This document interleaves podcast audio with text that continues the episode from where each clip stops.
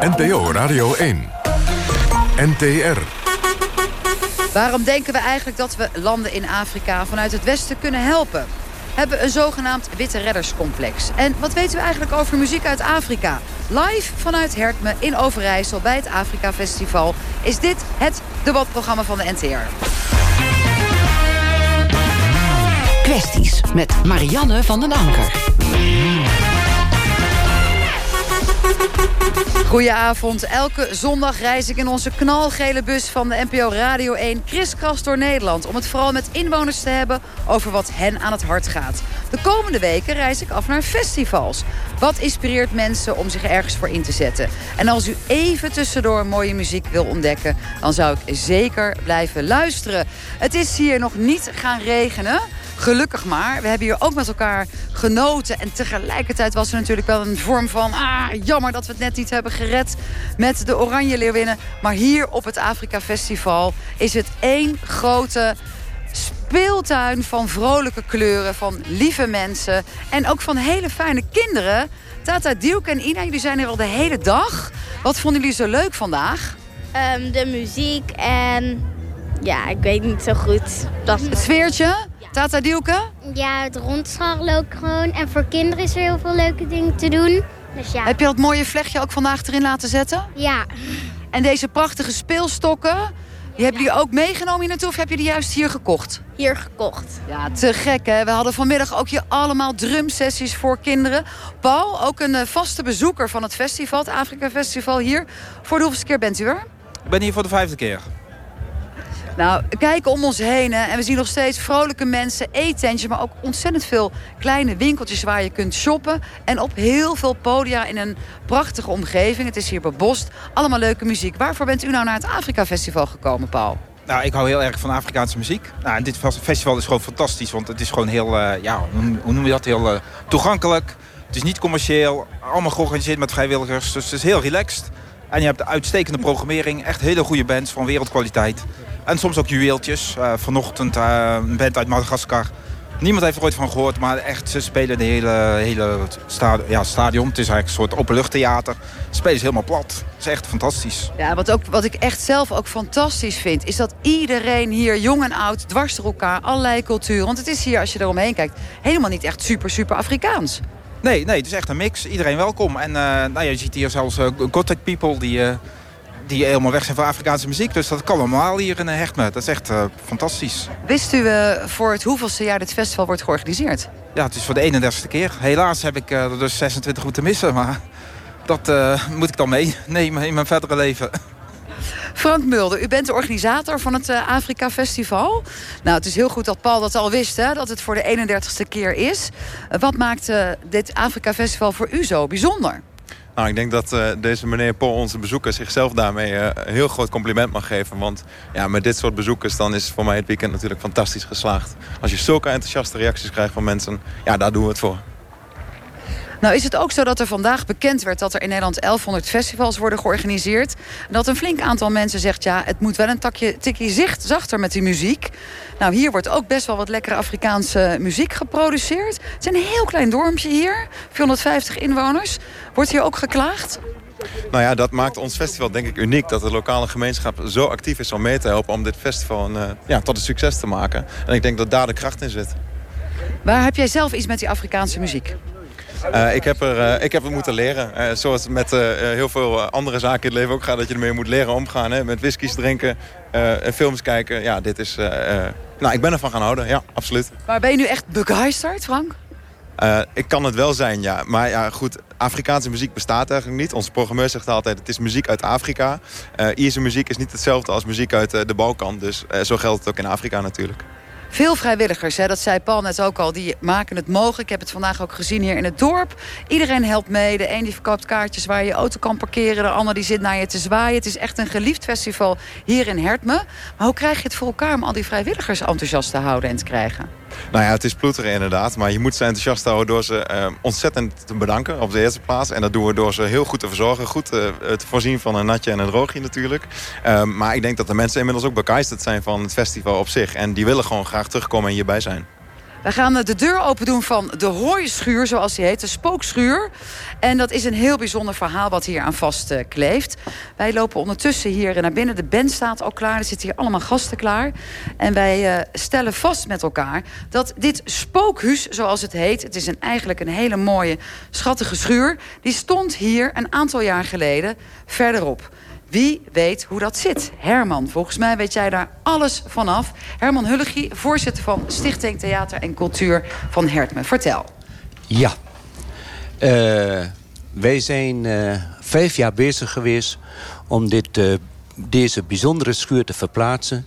van 100 meter, 200 meter verderop naar hier toe... om dit historische moment, monument te bewaren. het spookhuis is van rond achter 1580, zo oud is dit uh, gebouw al. De gemeente hebben we pas na laten kijken en die hebben we onderzocht op het ouderdomsgebeuren. Uh, en die Heel zijn van verhaal, 8, Herman. Jans Jeetje, 1585. Ja, ik kan, uh, wat dat betreft kunt u beter andere dingen vragen, want ik kan hier uren over praten. Ja, ik begrijp het. uh, en ook hier geldt weer, vrijwilligers die zetten de toon en regelen het hier met elkaar. Ja, dat klopt. Dat klopt. Wij, wij doen hier alles met uh, vrijwilligers. En Frank heeft daar net al uh, iets over gezegd. En dat is niet alleen met het Afrika Festival... maar dat is met alle evenementen die we hier doen. We hebben per jaar hier zo ongeveer 7 tot 8 uh, evenementen... waarvan een aantal eigen producties. Uh, een eigen productie die nu op het podium staat... is het zeker niet, denk ik, hè, Frank Mulder. De Garifuna Collective speelt op dit moment. Ze komen uit Belize. Naar wat voor muziek luisteren mensen die daar op het veld... allemaal uit hun dak staan te gaan? Nou ja, het is uh, Belize inderdaad, Midden-Amerika. En dat toont ook wel aan dat het niet alleen muziek nu uit Afrika is... maar dat het ook vanuit de Afrikaanse diaspora komt. Uh, en dit is een groep uit Midden-Amerika die nog heel erg de wortels um, van de oorspronkelijk Afrikaanse muziek bij zich draagt. En dat is ook wat te programmeren. Popmuziek uit Afrika, uh, maar waarin je wel de traditionele wortels kan, uh, kan horen. We hebben uh, hier ook uh, iemand uh, aan boord, om het maar zo te zeggen, in, deze, in dit spookhuis. Dat is de adjunct-directeur van Stichting Vluchtelingenwerk... en de voormalig directeur van Artsen zonder Grenzen Nederland, Arjan Henekamp. Vanaf 1992 tot 2004 werkt u als arts in onder andere Kenia, Congo, Zimbabwe en Rhodesië. Wat is uw eerste muzikale herinnering aan Afrika? Poeh, um, ik ben overigens geen arts... Maar oh. uh, mijn, mijn allereerste herinnering maar u werkte was toch wel... wel in die landen, hè? Maar dan als ja, iets anders. allemaal medische programma's. Nou, ontzettend, uh, ontzettend medisch. Nee, maar mijn eerste um, uh, herinnering was aan het zitten in een bus in Soudaan, in Khartoum. En in die bus, het was, het was, alle, het was ontzettend heet. Het was denk ik 40, 45 graden. We gingen naar Kossi toe met de bus door de woestijn. En daar blaerde de meest prachtige Afrikaanse Soedanese muziek... die ik niet kon verstaan, maar wel ontzettend, um, ontzettend kon waarderen. We hebben hier nog andere mensen aan boord... die allemaal gefascineerd zijn door de Afrikaanse muziek. Onder andere Isiaga Soumai. U komt uit Guinea, u bent danser, muzikant en entertainer. Wat vond u de leukste band van vandaag? Ja, uh, voor mij altijd als ik kom in Afrika Festival... is een herinnering voor mij als ik thuis ben. Dus je had geen voorkeur voor een specifieke band. Het is gewoon allemaal fantastisch hier. Ja, allemaal fantastisch. Want uh, ja, ik zie allemaal een voorbeeld waar ik denk... ja, dit is echt een Afrika... Ja, kinderen lopen daar, daar zonder afspraak. Zo. Helemaal... Ja, we hadden er net ook ja. twee. Die waren echt zo lekker aan ja. de scharrel. En iedereen is, voelt zich ook veilig, dat merk je hier. Het is ongedwongen. Wat ik ook bijzonder vond, is dat misschien meer festivals overnemen. Er zijn specifieke rookzones. Daar mag je alleen een sigaretje roken. En sommige mensen denken, nou, een Afrika Festival reggae. Iedereen zal hier wel stoned zijn. Ik heb geen blow luchtje geroken. Ja. Isayaga, want ja. Uh, ja, je kan natuurlijk van alles doen in je leven. Maar u bedacht, ik ga voor de muziek. Hoe zat dat in elkaar? Ja, uh, voor mij, uh, ik heb uh, muziek gekozen toen ik in mijn dorp. Ik ben geboren in een klein dorp in Guinea. is één uur kwartier vanaf grootstad. En zonder elektriciteit, zonder waterkraan. En die dag en die, die dorp en was moeilijk voor mij om verder te studeren. Zo, de enige dingen wat ik heb keuze gemaakt, wat was vrij om te doen, was de muziek. En dat moment om danser zijn, om dans te doen of muziek te doen. Je moet gewoon oren dichten, want mensen denken dat moment is geen goede keuze. Maar voor jou bleek het achteraf een supergoeie keuze te zijn. Ja, ligt ja, dicht bij je ja, hart. ja, ja. En inmiddels heb jij natuurlijk de halve wereld gezien. Ja. En op dit moment ben je natuurlijk in Nederland hele bijzondere dingen aan het doen. Vertel. Ja, eh, ja in Nederland. eh, toen kreeg ik mijn verblijf in Nederland. En eh, de enige dingen voor mij om direct te integreren was mijn eigen persoon en mijn talent en mijn ervaring. Dat heb ik meegenomen Ingezet. aan deze maatschappij. En dat, je hoeft geen diploma hebben. Zo kan je direct in het systeem ingaan. En dat Laat onze minister van. Onderwijs het niet horen dat je geen startkwalificatie Ja. nodig hebt. Want die wordt helemaal gillend gek. Maar vanuit de meer spirituele Ja. mensen die ook hier aan tafel zitten, zeggen allemaal goed Ja. verhaal. Ja. Ja. Want jij neemt jezelf mee. Ja. Astrid, jij bent eh, eh, de vrouw. Ik ben de vrouw van Isjaka. Ja. Astrid Soema. Jij houdt natuurlijk in eerste instantie van je man. Maar die muziek, die heb jij natuurlijk ook mee gaan liefhebben. Hoe zit dat in elkaar? Hoe zit dat in elkaar? Eh, ik ging in 2004 voor het eerst naar Afrika. In eerste instantie voor de dieren. Ik dacht, oh, dat wil ik graag zien, Afrikaanse wild. Toen eh, maakte ik kennis met de mensen. Toen dacht ik, wauw, dit is even heel wat anders. En vervolgens kwam daar de muziek en de dans bij. Nou, toen was het eigenlijk wel klaar. Nou, kan je ook wel voorstellen dat je toch een beetje in een niche zit. Hè? Ook dit festival zit in een beetje in een niche. Klopt. Afrikaanse muziek, nou niet iedereen eh, loopt er eh, eh, mee weg. Hè? Die gaan liever voor de techno. Ja, ja, dat zijn natuurlijk toch meer, meer genres. Hoe dat, dat je dat natuurlijk inmiddels een beetje kunt ervaren zo Nederland. Waarom toch voor jou de Afrikaanse muziek? Ja, de Afrikaanse muziek maakt in mij echt iets wakker. Het is het horen van de, van de beat, van de djembe, van de trommels. Waarvan ik denk, oh, ik mijn lijf wil dansen, ik wil leven. En dat, ja, dat is energie die vrijkomt. En op zo'n festival natuurlijk helemaal. Daar word ik blij mens van. Naast jou eh, zit eh, Else Miek, ook getrouwd met iemand die van de Afrikaanse muziek is. Eh, ook eigenlijk zo Hollands als wat, hè? zo zie je er ook uit, net als Astrid.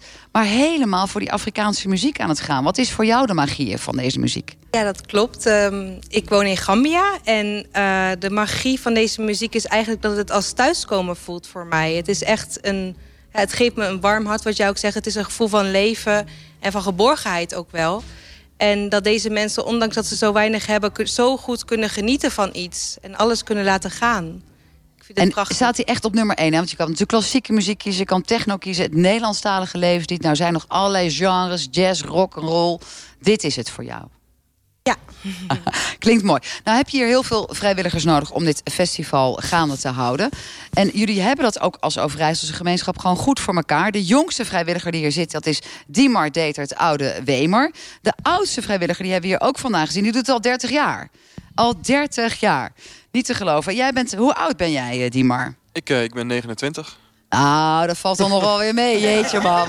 Je was mij verkocht als de jongste vrijwilliger. Je komt binnen, ik denk, nou, jong pikkenbaasje. Maar dan is hij gewoon 29. Je ziet er goed uit.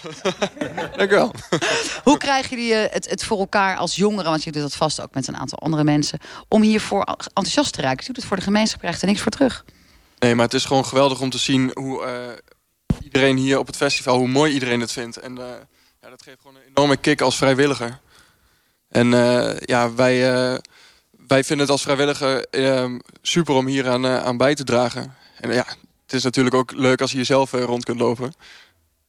Oh, dat is het extra. Ja, ja, dat is je moet extra. ook een lokkertje hebben. Frank Mulder, ik ben met jou natuurlijk al vandaag over het festivalterrein gelopen. Ik je ziet ze te, te pas en te, en te onpas, te voet en te na. Die vrijwilligers, hoeveel zijn het er? Het zijn er 532 unieke vrijwilligers. En die Ja, hebben we dan vanaf afgelopen dinsdag eh, geholpen. En morgenavond eh, hopen we klaar te zijn met opruimen. Is dat bij andere festivals ook zo dat jij weet?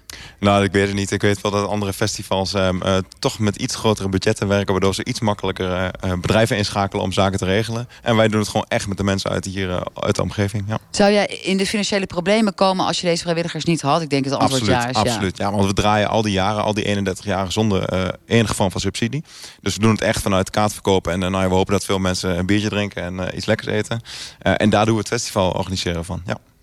Nou, dat is echt, echt bijzonder knap hoor. We hebben inderdaad niet alleen een pareltje qua muziek, zoals Paul al zei, onontdekte bands uit Madagaskar, maar ook hier een staaltje van vrijwilligerswerk en gemeenschapszin die zijn weerga niet kent. Um, maar denk je dat het moeilijker wordt in de toekomst? Want jongeren hebben het ook druk, moeten hard werken om aan hun geld te komen, et cetera. Ja.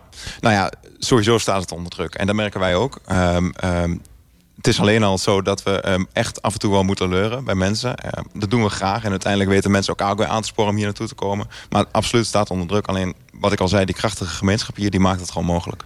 Herman Hullegie, we hoorden u net uh, vertellen over dit prachtige spookhuis. U zei, als je me nog een vraag stelt, ik kan er eindeloos over doorpraten.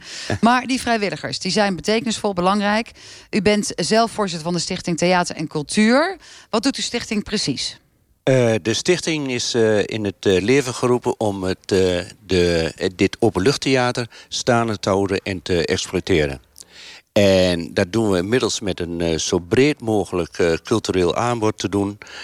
om een podium te bieden aan jong en oud. Dus wij hebben een zeer breed aanbod van klassieke concerten tot popconcerten tot uh, de passiespelen, eigen producties uh, met uh, Robin Hood.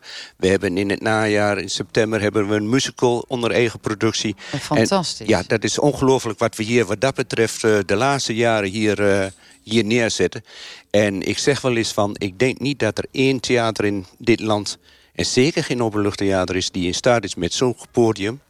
Ja, en met zo'n vrijwilligers. Zie iedereen is stemmen te knikken. Dat, ja, ja, ja, ja, ja, ik gelijk, dus, gelijk. Ja, Ondertussen vergrijst het dorp, 450 mensen. Ja, ja, um, ja. dan heb je natuurlijk toch zoiets wat je vanuit, hè, vanuit onze kant... ik kom dan zelf uit Rotterdam, we zijn dan toch... Hè, vaak wordt ons verweten, jullie komen vanuit die grote steden... nooit in de kleine kernen. Dit is zo'n kleine kern. Ja.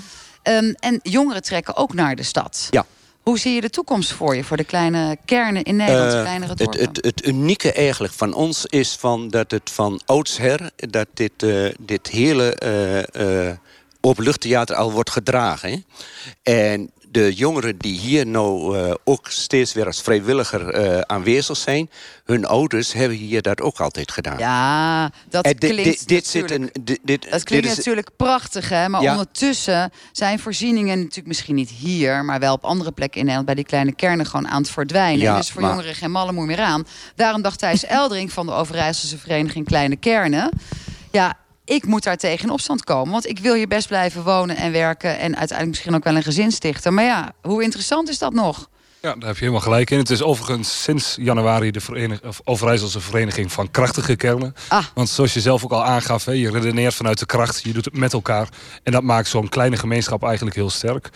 Ehm, ja, en je ziet dat jongeren eigenlijk wel heel graag in die kleine kernen willen blijven wonen. En niet allemaal, laten we ze niet allemaal over één kam maar een heel groot deel wel. Eh, maar toch de moeilijke situatie op de woningmarkt mar- markt maakt het zo ontzettend moeilijk voor hen om hier te kunnen blijven Dus je wonen. wil Want- echt niet eindeloos bij je ouders in huis blijven wonen. Nee, zeker niet. En uh, kijk, huurwoningen zijn er nagenoeg niet. Uh, woningbouwcoöperaties trekken zich terug uit de kleine kernen. Um, En de koopwoningen die er zijn. Uh, vroeger bouwde men hun eigen woning heel vaak zelf. Nou, de jongeren zijn wat minder technisch dan vroeger. Dus dat maakte dat ze de woningen moeten kopen. Um, en de koopwoningen hier zijn gewoon ontzettend duur. Ja, en dan vraag je natuurlijk ook nog af, eh, als luisteraar die wel alles om zich heen heeft, van welke voorzieningen heb je dan niet? Is er een zwembad om de hoek? Kun je eh, lekker sporten? Eh, is er een schouwburg, een theater? Kan je hier, als je woont, misschien ook een beetje makkelijk met het openbaar vervoer wegkomen? Nou goed, het openbaar vervoer, dat laatste snap ik heel goed. Maar we hebben toevallig afgelopen jaar een onderzoek mogen doen... naar de positie van jongeren op de woningmarkt in de Overijsselse kleine kernen. En daarin is naar voren gekomen dat jongeren die voorzieningen... eigenlijk helemaal niet zo heel interessant vinden. Maar dat het juist gaat om die gemeenschap met elkaar, familie, vrienden... de voetbalvereniging, dat zijn wel verenigingen waar ze echt wat om geven. Maar een supermarkt en dat soort zaken, daar zeggen ze... nee, dat kan ik prima na mijn werk even ophalen of ik bestel het online. Dus feitelijk zeg jij tegen alle beleidsmakers die meeluisteren en politici... zorg ervoor dat het wonen geregeld wordt... zodat wij dan ook krachtig genoeg deze vergrijsde kernen kunnen blijven ondersteunen. Want anders trek je die natuurlijk weg als jongeren. Nou kijk, het is natuurlijk geen eenzijdig vraagstuk. Hè. Er zit, uh, het is een integraal vraagstuk. Daar zie je dat infrastructuur ontzettend belangrijk is. Dus je moet die kleine kern wel goed kunnen bereiken. Uh, werkgelegenheid is ook belangrijk. Maar met allerlei ontwikkelingen, de technologische ontwikkelingen... zie je toch vaker dat jongeren ervoor kiezen om in de kleine kernen te blijven wonen. En um, ja, dan toch één of twee dagen thuis werken. Ah, dat klinkt ook weer aan. Het is ook weer het nieuwe werk. Je hoeft niet altijd Zeker. naar de baas, je Ja. wordt gewoon je eigen baas. Nou, de jongste vrijwilliger die we hier aan boord hebben van 29 is Dimar. Eh, ver- ben je van plan om te vertrekken als het hier gewoon voor jou niet lukt om een woning te vinden? Eh, ja, zeker. Eh, als ik geen woning kan vinden, dan, eh, ja, dan lijkt het me logisch dat je ergens anders gaat zoeken naar wel een, eh, een betaalbare woning. En herken jij het verhaal van Thijs, eh, Diemar, dat je zegt van nou ja, het het draait echt om dat huis en, en de voetbalclub en bij je vrienden kunnen blijven wonen. En OV, supermarkten, bioscoop, theater, dat maakt allemaal wat minder uit. Nou, ik denk dat als je, vooral als je jong bent, dat je graag eh, dingen wilt doen. Eh, en dat er dus ook die gelegenheden in de buurt moeten zijn. Eh, dus ik snap in die zin wel dat, dat mensen naar, eh, ja, vertrekken naar ergens waar dat kan. Als dat niet in de buurt is. Oeh, nou ik hoop dat ze jou niet kwijtraken als vrijwilliger. Frank, Eh, jij bent zelf ook echt super jong. Wat is jouw leeftijd? Ik ben 12. Nee, omdraaien we om, dus 21. Nee, ik ben 28. Ja, ja. Nee, maar ik denk dat het echt ook om werkgelegenheid gaat. Kijk, als je ziet hoe een stad als Enschede daar enorm op in zit hier... met de technology eh, base en eh, om daar ook een hele goede verbinding met Zwolle te leggen... en met Utrecht, ja, dat is heel erg belangrijk. Dat je daar eh, talent aan je kan houden. Hè? Want die komen wel naar de UT, maar vervolgens gaan ze weer terug naar Amsterdam... omdat daar de banen liggen vanwege de grote bedrijven die daar zitten. Dus ik denk dat dat ook echt een heel belangrijk eh, speerpunt is voor jullie. En ja, we, we hebben vrienden die in Amsterdam zitten... en die zeggen van nou, de komende jaren zitten we daar nog wel even... Uh, maar op het moment dat ze aan kinderen gaan denken, et cetera... dan zeggen ze toch van ja, misschien dan toch een iets kleiner dorp... is toch ook wel weer prettig om daar naar terug te gaan. Dus wat dat betreft uh, is het ook een golfbeweging misschien. Ja, maar het is, ik vind dat, wat, wat als jullie zo horen... dat politie en, en woningcorporaties en projectontwikkelaars... daar niet mee mogen gaan zitten goochelen. Het is wel nu de goede dingen doen, want anders trekken jullie weg. Ja, absoluut. En ik denk ook echt dat het heel belangrijk is... dat die urgentie daarvan, uh, nou ja, onder andere door mijn buurman hier uh, wordt Thijs. aangetoond. Ja. Ja. Blijf luisteren, want zo direct we weer in de bus... over nut en noodzaak van westerse hulpverleners in Afrika. En de bus is natuurlijk het spookhuis. Prachtig omgebouwd en omgetoverd tot nou, niet alleen praattheater... maar ook Afrika-theater, muziektheater. Vanmiddag trad ze hier op. Lucibella. Zij is Kaapverdisch, ze is een supermuzikante. Vanmiddag stond hier echt iedereen mee te swingen op jouw prachtige stem. Dus wij uh, vragen nog even één keer met onze ogen. Zijn jullie er klaar voor? De band staat in het zand klaar. Lucibella zelf staat op haar gimpen op een stukje hout wat we hem neer hebben gelegd. Er zijn wat mensen komen kijken. Er is hier een, een, een mondharmonica, er is hier een gitaar, er is hier een mandoline. En er is hier Lucibella. de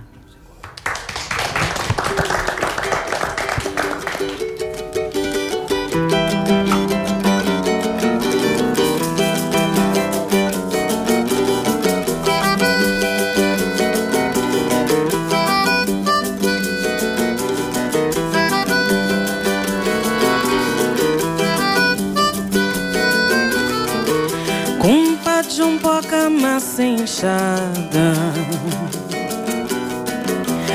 Tubanatum trabalha a terra. Cumpa de um poca massa inchada Tubanatum trabalha a terra. Três ingronites, dois ingronites depois de algum tempo a fazer monda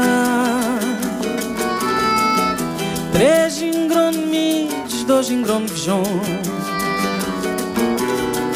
Depois de algum tempo a fazer monda Planta crescer, mal pede água. Chuva de setembro é uma esperança Planta crescer, mal pede água. Chuva de setembro é uma esperança. Se chuva caber, atijam poca. Vou inchar a panada, oi, oi, oi. Vou trabalho panada, oi, oi, oi, oi, oi. Vou inchar a panada, oi, oi, oi. Vou trabalho panada, oi, oi, oi, oi, oi.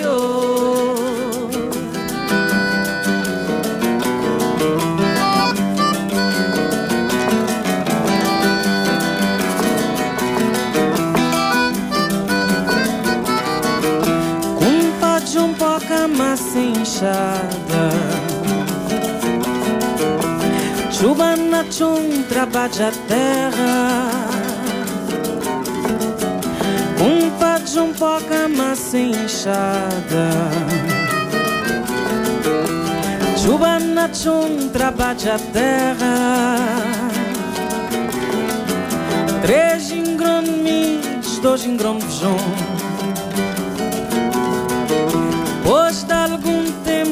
Tempo a fazer monda Três ingron mis, dois ingron vjom Pois de algum tempo a fazer monda Planta cresce, mal pede água. Chuva de setembro é uma esperança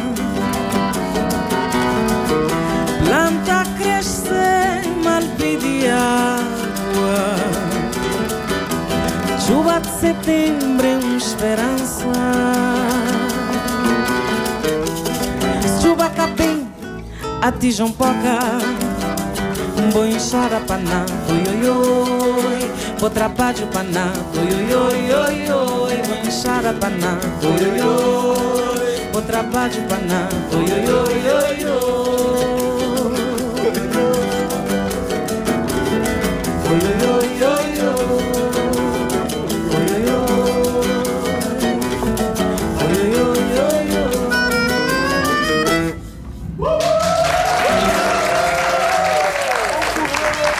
Wauw.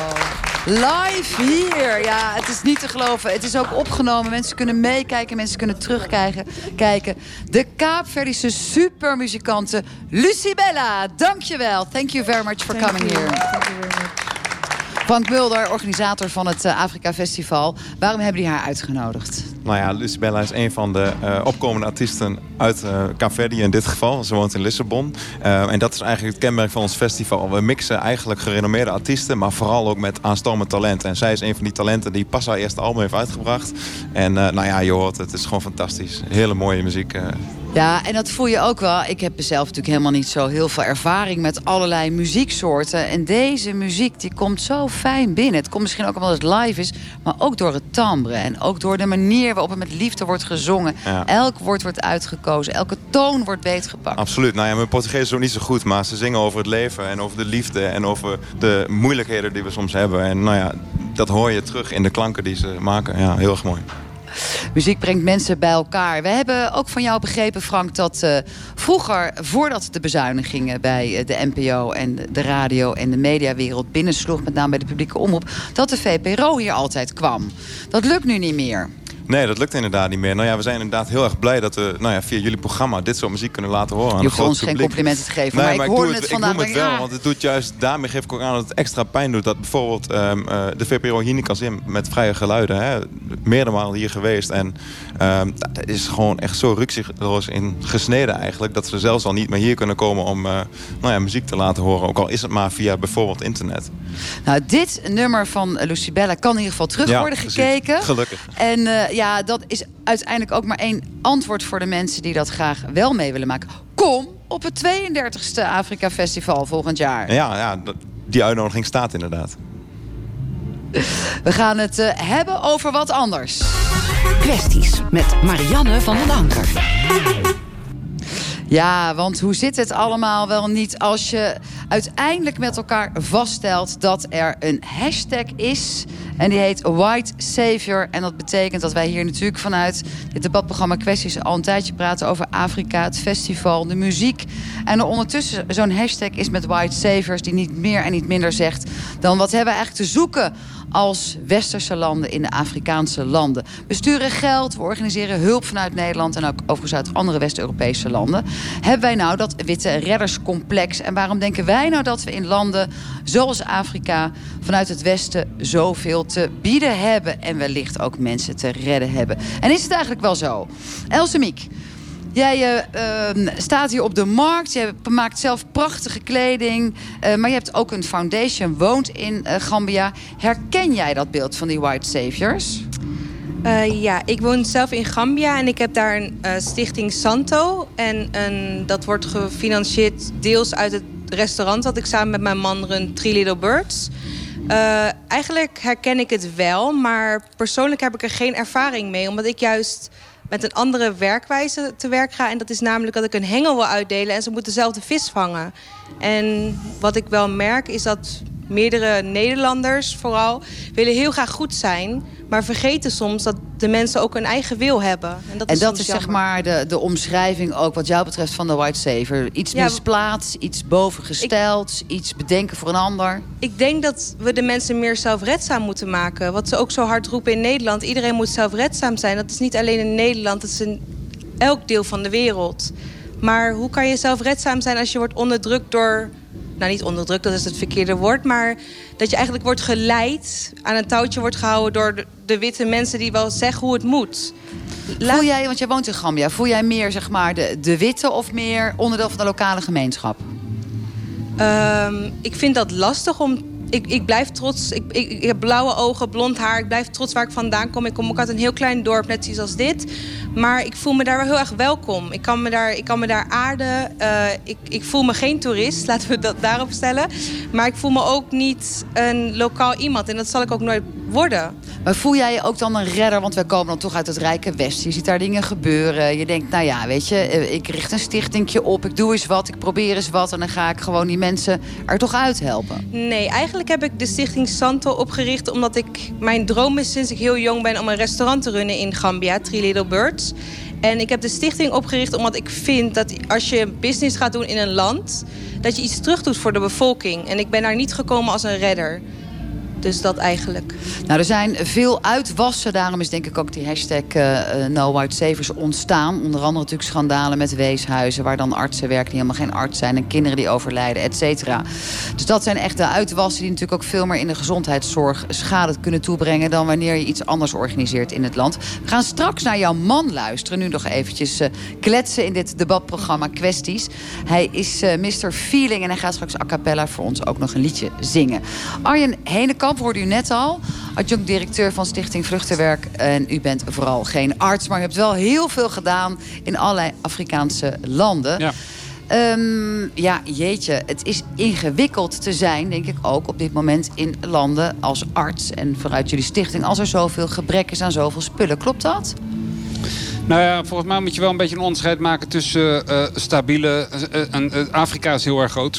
en het bestaat ontzettend uit, uit Ja, ontzettend wij veel... natuurlijk vanuit dat kleine En dus het idee dat Afrika altijd hulp nodig heeft... dat is echt een heel achterhaald en ouderwets idee. Ehm, eh, of het nou ontwikkelingshulp is of, of anderszins.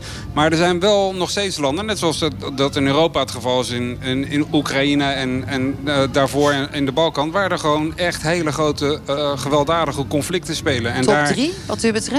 De top drie landen waar het nu echt Congo, instabiel is. eh, Congo, daar zal ja, sinds jaar en dag eh, overal eh, in het hele land eh, eh, wo- wordt, er, wordt er ontzettend veel geweld bedreven. Somalië natuurlijk.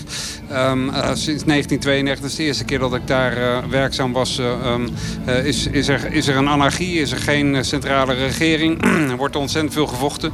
En dan heb je nog Sudaan, daar heb ik veel van mijn werkzame arts zonder grenzen leven ehm, doorgebracht. Maar daar, daar wordt ook eh, ehm, eh, heel erg veel gevochten door allerlei verschillende partijen. En dus Terwijl je ziet dat in landen zoals Kenia, waar ik in 1992 het eerste kwam... eh, daar, daar worden echt enorme stappen gemaakt. En daar hebben we het niet over...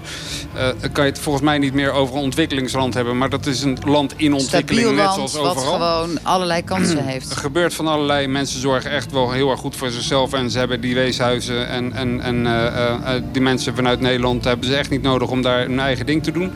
Heb je nog steeds in Zuid-Soedan en in Congo en in Somalië en een aantal andere landen zoals Centraal-Afrikaanse Republiek heb je gewoon eh, hulp van buitenaf nodig. Dat is, helemaal niet niks om je voor te schamen. Of dat nou witte hulp is of zwarte hulp is of wat voor hulp. Maar is er, er is hulp nodig in, in een land wat, eh, wat eh, helemaal in puin geschoten wordt. Nou ja, dus die vier landen hebben wat u betreft in ieder geval de voorkeur. En in ieder geval zegt u ook, daar moet hulp naartoe. Of het nou wit is of zwart, maakt niet uit. Ondertussen is in Nederland wel het draagvlak voor ontwikkelingsbudgetten aan het afnemen. Ja, maar dat is ook uh, niet zo heel erg gek. Want als de verschillen tussen Nederland uh, en uh, landen in Afrika of in Azië afnemen... Dan is, er, um, dan is het ook logisch dat mensen hier denken van... luister, is, er is klaarblijkelijk daar meer capaciteit om zichzelf te helpen. Dan hebben, hebben ze ons minder nodig. Nou, dat balanceert zich zo langzamerhand uit. Het is weliswaar nog steeds zo dat, dat ik me wel zorgen maak... om gebrek aan internationale solidariteit. En het gevoel dat er, dat er nog steeds landen zijn en plekken zijn en mensen zijn... die hulp hebben, uh, nodig hebben van buitenaf. Dat uh, zal altijd zo uh, blijven bestaan, want het paradijs is nog heel ver weg.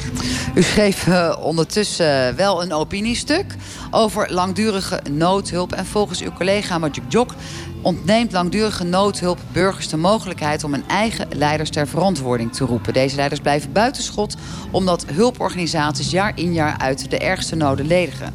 Daar bent u het niet mee eens. Waarom niet?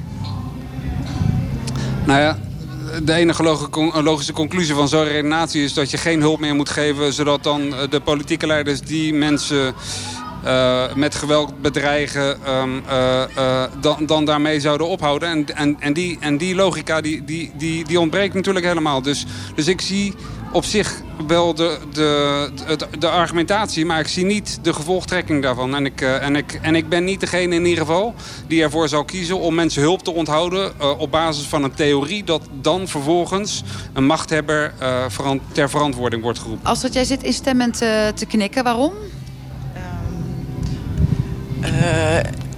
Kijk, mijn man komt uit Guinea. Isaka woont, is opgegroeid in Guinea, heel klein dorp. Uh, ja, daar zijn geen voorzieningen. Er is geen water, er is geen elektriciteit. En dan denk ik ook, ja, het is natuurlijk niet het idee dat de witte de, de landen gaat redden. Daar, daar krijg ik zelf een beetje allergie van. Maar ik denk, ja, hoe mooi is het als je wel uh, met de middelen die we hier hebben... daar iets kan doen wat mensen een, een steuntje in de rug, rug, geeft... en waar je mee iets op kan bouwen. En nou, dat ja. vind ik een hele waardevolle aanvulling. En dan, ja, dan valt voor mij de dingen een beetje weg. Ja.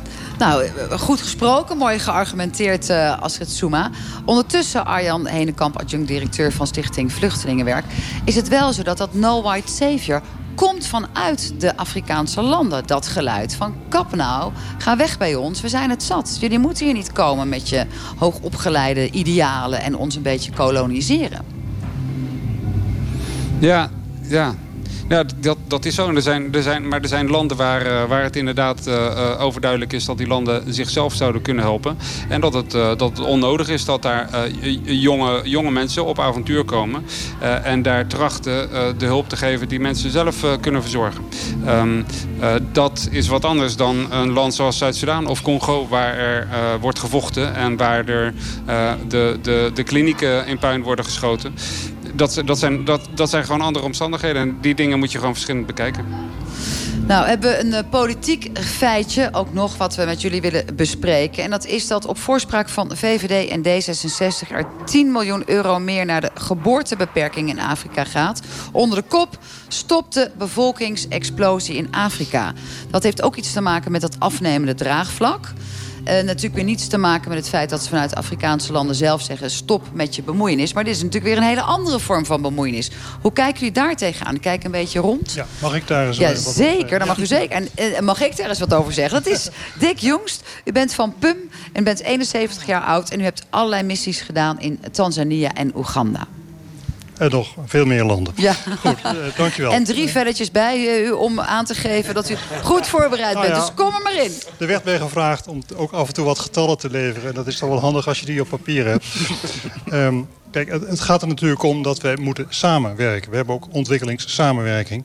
En uh, die, uh, die white saviors, dat mag best wat genuanceerder. Er zijn heel veel bedrijven, midden- en kleinbedrijf... die, worden die vragen Nederland om goede hulp. Uh, ja, maar ik vroeg u net van hoe, zit, hoe, hoe ja. kijkt de tafel aan tegen dat VVD en uh, D66 nou. opzetje om te zeggen we moeten gewoon minder Afrikanen gaan creëren. Gewoon geboortebeperking, want daar komt het op neer. En zei, nou wil ik wel eens even wat over zeggen. Ja. Bent, wat vindt u daarvan? Nou, ik, eh, die 10 miljoen dat is, dat is maar een, een schijntje. Maar het probleem is dat er in Afrika 90 miljoen vrouwen elk jaar ongewenst zwanger zijn. Dus die behoefte aan anticonceptie is er zeker. En dat willen die vrouwen, dat willen die mannen ook wel. Maar het is er niet. Of er zit heel veel nep in de markt. Maar dat is, je zou er op twee manieren naar kunnen kijken. Dick. Je kan, zou kunnen zeggen, nou, wij, wij gaan als Westen weer eens bepalen voor hen... dat zij dan kennelijk behoefte hebben aan anticonceptie. Want waar is het dan op gebaseerd? Is dat echt uw onderzoek of onderzoek van anderen wat gestaafd... dat 90.000 vrouwen daadwerkelijk ongewenst... 90 miljoen. 90 miljoen vrouwen ongewenst Dat zijn getallen van de WHO. Wereldwijd zijn het er 120 miljoen. Maar in Afrika, in Zwart-Afrika, Sub-Sahara-Afrika... is bijna drie kwart daarvan. Het is niet beschikbaar en die vrouwen willen dat wel. Dus die 10 miljoen is maar een druppeltje op de gloeiende plaat. Uh, er zijn veel meer stichtingen die, uh, en, en, bedrijven die dus daarbij willen helpen. Maar het is, het is hard nodig, want die vrouwen willen dat zelf. Oké, dus u zegt dan moeten we dat, als dat een wens is van deze mensen, ondersteunen. En dat is ook het punt van die ontwikkelingssamenwerking in het algemeen. Als zij een vraag hebben, dan moeten wij kijken of we dat samen kunnen invullen. Is dat, ook, ja, is dat ook het grootste medische probleem... of de grootste medische opgave? Het is natuurlijk lange tijd ook gewoon de AIDS-epidemie geweest. Nou ja, naast malaria uh, zijn uh, HIV een groot probleem. Meer dan driekwart van alle HIV-patiënten zit in Afrika. Uh, 27 van de 40 miljoen wonen in Afrika. En, en die andere 13 over de rest van de wereld. De vrouwensterfte. Er gaan elke minuut ongeveer gaat er een vrouw dood aan een complicatie van de zwangerschap of de bevalling. Uh, heel veel van die ongewenste zwangerschappen worden beëindigd door een onveilige abortus. Dus er zijn heel veel zaken uh, aan te pakken in de gezondheidszorg in Afrika. Behalve dan de malaria en de HIV. Weet u ook, want dat No White Saver is natuurlijk naar voren gekomen... uit een echt een fix aantal schandalen. De uitwassen zo gezegd. Um, is dat daadwerkelijk het, het, topje van de ijsberg wat we daar nu van hebben gezien? Of zit er nog dieper in allerlei hulpverleningsstructuren vanuit het Westen... iets waarvan je kan zeggen, het is eigenlijk gewoon foute boel? Uh, er zijn bij veel Nederlanders verkeerde ideeën. Ik hoorde laatst van iemand dat er twee jonge vrouwen binnenkort naar Tanzania gaan... om het daar op scholen te gaan hebben over geweld. Nou, en dan ook nog eens een keer een sportdag organiseren. Dan denk ik van, zonder van die 2000 euro reiskosten, besteed die beter. Daar moeten wij ons niet mee willen bemoeien. Maar vindt u dat een uitwas of zegt u van nou, dat zijn mensen die gaan met goede bedoelingen naartoe, die, die kennen dat, eigenlijk dat de zijn omgeving uitwassen. niet? Daar zou eigenlijk van overheidswegen een soort verbod op mogen komen. Oké, Steven, vindt u dat ook vanuit Artsen zonder Grenzen, Arjan Henenkamp? Nou ja, goed. Alweer, uh, ik werk niet in gebieden waar uh, uh, jonge Nederland, Nederlands naartoe gaan om daar een weeshuis te ondersteunen. Dus ik, ik, kom daar, kom daar wat minder mee in aanraking. En, en ik wil nog even terug op die eerdere vraag over dat opzetje van de VVD en D66. Het hangt natuurlijk ontzettend vanaf van welke intentie dat is. Als dat is uh, om ervoor zorg te dragen dat er minder mensen, minder Afrikanen gaan migreren naar Europa, dan vind ik het heel erg kwestieus. Als het is om, uh, in, om in te gaan op een, op een, uh, op een vraag van, van vrouwen vanuit Afrika om anticonceptie, dan vind ik dat prima. maar het ligt, ligt, heel erg in de intentie. En, en ik vind het kabinetsbeleid over de afgelopen jaren heel erg gericht op het weghouden van, van, van mensen uit Afrika of andere continenten. En, en, en dan worden dit soort beleidsdingen worden ingezet om dat mogelijk te maken. Oké, en, en de kwestie die we natuurlijk wel vandaag bespreken is... mogen wij dat vinden? Want we hebben ook met elkaar te maken met zo'n geluid vanuit Afrikaanse landen zelf. Niet vanuit alle landen natuurlijk. Maar ja, stop eens een keer met die hulpverlening aan ons. U zegt net al, Dick, uh, vanuit... Er zijn een heleboel positieve dingen. Als je kijkt naar PUM, de organisatie... Waar daar zit ik werkt, nu ja. even voor, als vrijwilliger voor werk. Uh, wij hebben 2000 vrijwilligers in 30 sectoren. En wij zenden op aanvraag van lokale midden- en kleinbedrijf stellen wij experts uit. Dat kan in de chemie zijn, dat kan in de veeteelt zijn, melkveehouderij, maar ook in de gezondheidszorg. En op die manier, gevraagd door een projecteigenaar, kun je heel goed hulp verlenen en adviseren. En daarmee wordt de werkgelegenheid opgejut. Meer werkgelegenheid is minder armoede. Meer werkgelegenheid is meer belastinginkomsten. Dan kan uh, ook weer onderwijs, gezondheidszorg, infrastructuur beter op poten gezet worden door die regering. En dan zegt u wel, het gaat gevraagd. Dus wij komen alleen maar langs vanuit PUM als het een wens is... en als dat ook een lokaal verzoek is. Geldt dat, Arjan Hennekamp, ook vanuit jullie werk als uh, Stichting Vluchteling? Nou ja, soms is het zo dat een eh, regering echt helemaal geen uh, buitenlandse inmenging wil hebben. Omdat ze bezig zijn met een politiek of een gewelddadig project. En, en, en waar, waar een gedeelte van de bevolking um, uh, geen toegang tot gezondheidszorg meer, meer van krijgt. Dus, dus nee, bij ons, bij humanitaire hulp is het niet altijd zo dat het, dat het uitgaat van de vraag van, van, van, van de lokale gemeenschap. Omdat de lokale gemeenschap vaak gewoon op afstand is gezet. Um, dus nee, in, in, bij, bij ons is dat net wat anders. Um, het heeft trouwens... ook te maken, denk ik, met de aard hè, van jullie opdracht, van jullie ja. missie als organisaties ja. vanuit maar de Stichting. Ik, ik ben het wel heel erg eens met mijn buurman dat, dat, dat verkeerde beelden over Afrika nog ontzettend uh, ook aan deze tafel blijven bestaan. Want bijvoorbeeld een van de dingen, de medische, de medische ontwikkelingen die je ziet... is aan de ene kant zie je inderdaad nog steeds ondervoeding... in veel verschillende landen, onder veel verschillende bevolkingsgroepen. Aan de andere kant heb je ook plekken waar obesitas steeds meer een probleem gaat worden. Bijvoorbeeld uh, in Nairobi, waar, uh, um, uh, waar, waar mensen een hele andere levenswijze gaan, gaan, gaan aanhouden... en waar Kentucky Fried Chicken allerlei zooi aan ze verkoopt. Dus je krijgt en vanwege aan de, de reclame ook al die andere fastfoodketens ook als... Ja zoete broodjes uh, over de toonbank gaan. Maar, maar u hebt verandert. het punt al gemaakt hè, dat u zegt we moeten differentiëren. Want een land als Kenia, ja, dat is natuurlijk zo in ontwikkeling. Ja. Daar moeten we anders mee omgaan. Ik maar kijk even naar de tafels. Die, die gezondheidszorg. Het is het gebrek aan mensen. Uh, 25% van alle uh, ziektegevallen zit in Afrika. Maar we hebben maar 2% van de dokters in Afrika zitten. Dus er is een geweldig tekort aan, uh, aan mensen om te helpen. Dus vandaar ook die vrouwensterfte, en al die andere grote problemen die we zien. Dus daar moeten we echt wat bij helpen als dat gevraagd wordt. Als dat gevraagd wordt. Nou, dat punt is gemaakt. Ik ga zo direct met de rest van de tafel, onze gasten hier, verder praten over hoe hier we nou naar luisteren. En of je vanuit het Westen wel of niet je moet bemoeien met uh, het bieden van zorg en het hulpverlenen. Al daar. Maar we gaan eerst luisteren naar Mr. Feeling. Hij is als, uh, nou ja denk ik, verliefde man hier heel blij in Nederland. Hij is... Nee, is hij niet heel blij in Nederland? Nee? Nee? Ja, jullie wonen natuurlijk in Gambia. Jullie zijn dan ook wel weer ik zal hier. Het even kort toelichten. Astrid, ja. Elsmiek. Oh, sorry Elsemiek. Sorry, maakt niet uit. Um, ik denk dat uh, hij liever in Afrika zou blijven... als daar natuurlijk alles beter zou zijn. En natuurlijk vindt hij al het nieuwe en al het, alle aandacht die hij natuurlijk ook krijgt... Uh, vindt hij heel erg leuk. Maar hij blijft apetrots op zijn land. En ik denk dat dat ook wel gezegd mag worden vanavond. Ja. Hoe zijn jullie verliefd geworden op elkaar? Ja, hoe word je verliefd? Nou ja, je ontmoet hem en, en, en over en weer. En dan gebeurt er iets, toch? Meestal. nou, uh, um, eigenlijk in het begin zag ik het niet zo zitten, moet ik eerlijk zeggen. Uh, ik was druk aan het studeren en, en ik was allemaal een beetje nieuw voor mij. Ik kwam natuurlijk uit een dorp. En uh, ja, niet, ja, daar kennen ze dat niet zo goed. Jij maar... zat toen al in Gambia? Of jij nee, nee, ik woonde ontmoet? toen nog in Nederland. Toen was ik aan het studeren en ik woonde in Nederland. Maar ik, ik reisde veel op en neer omdat ik um, uh, daar al bezig was met de stichting en met het restaurant. Um, ja, en toen stond hij op het podium. Denk, ja, hij, was, hij had gezongen en daarna kwam ik hem daarna in een ander barretje tegen. En uh, toen heeft hij me zowat laten vallen. Hij duwde me en ja... Ja.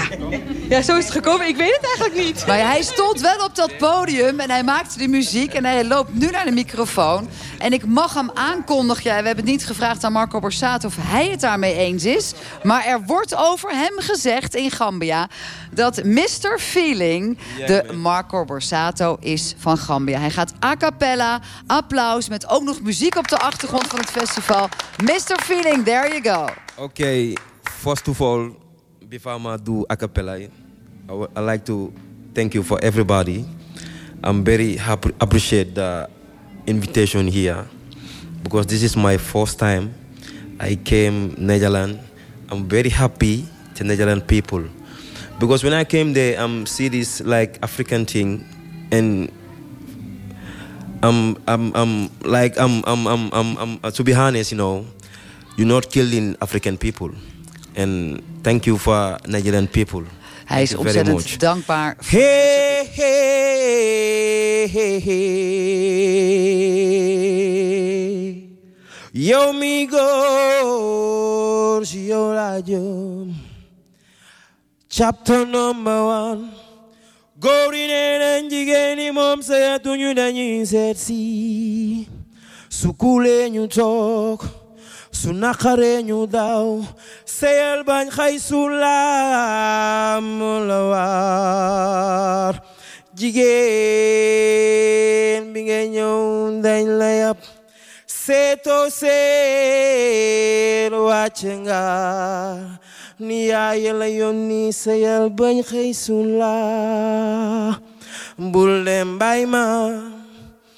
soo demee bay ma fi man dina ween léeg-léeg ñuy fàttaliku léeg-léeg ñuy toog di waxtaan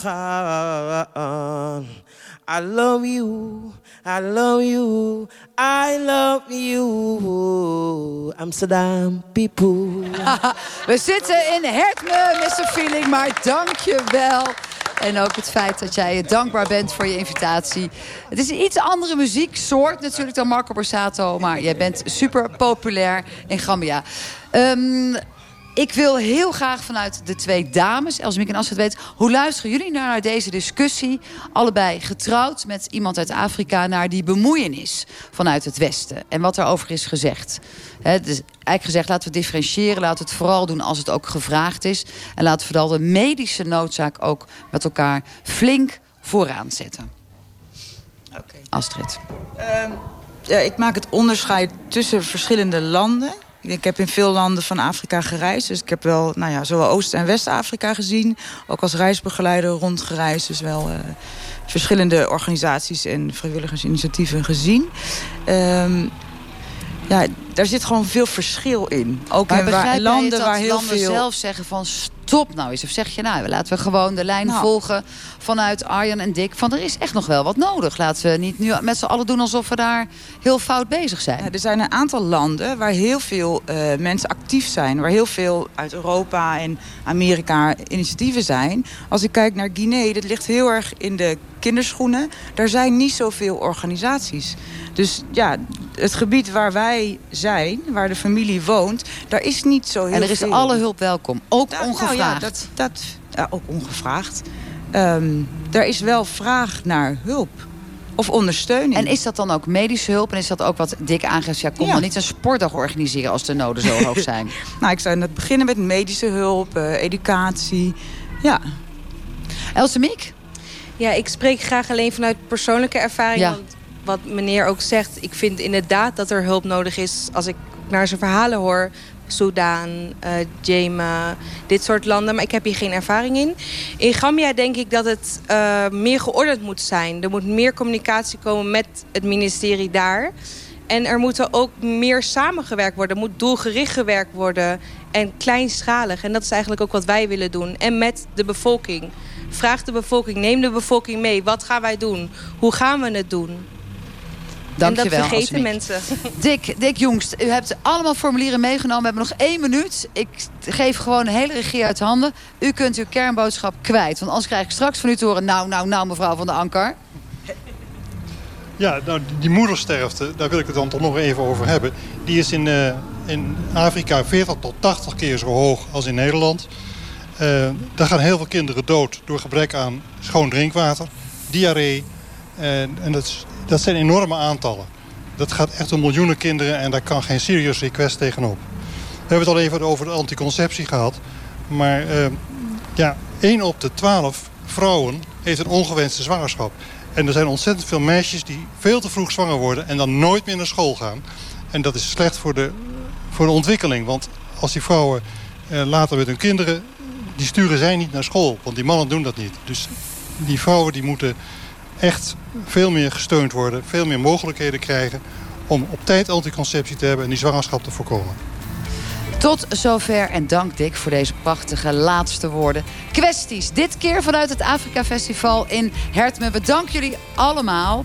Heel veel gasten hier. We hebben Lucibella gehad. We hebben in een prachtige locatie gezeten. We hebben genoten van alle muziek. En volgende week dan staan we weer op een ander festival. Dat is een ander stijl ook. Kwakko Festival in Amsterdam. Wie weet zie ik u daar. Zo direct radiodoc over onze oorlogsveteranen. Hoe kun je als veteraan weer je leven herpakken in Nederland? Dat zo direct na een korte nieuwsupdate van NOS. Fijne avond.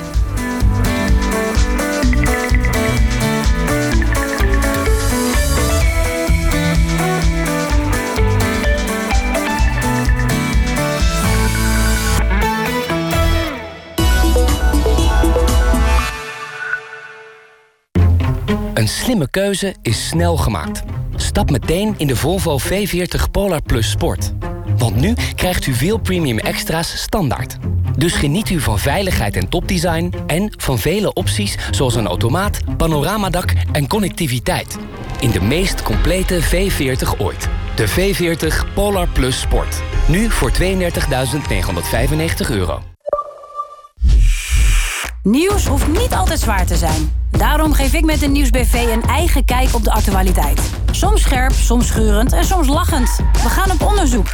Maar laten ook verschillende meningen horen. Zoals die van Pieter Derks en Marcel van Roosmalen. Zo bekijk je het nieuws net even anders.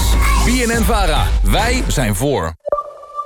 Nog nooit kreeg u zoveel V40 voor zo'n scherpe prijs.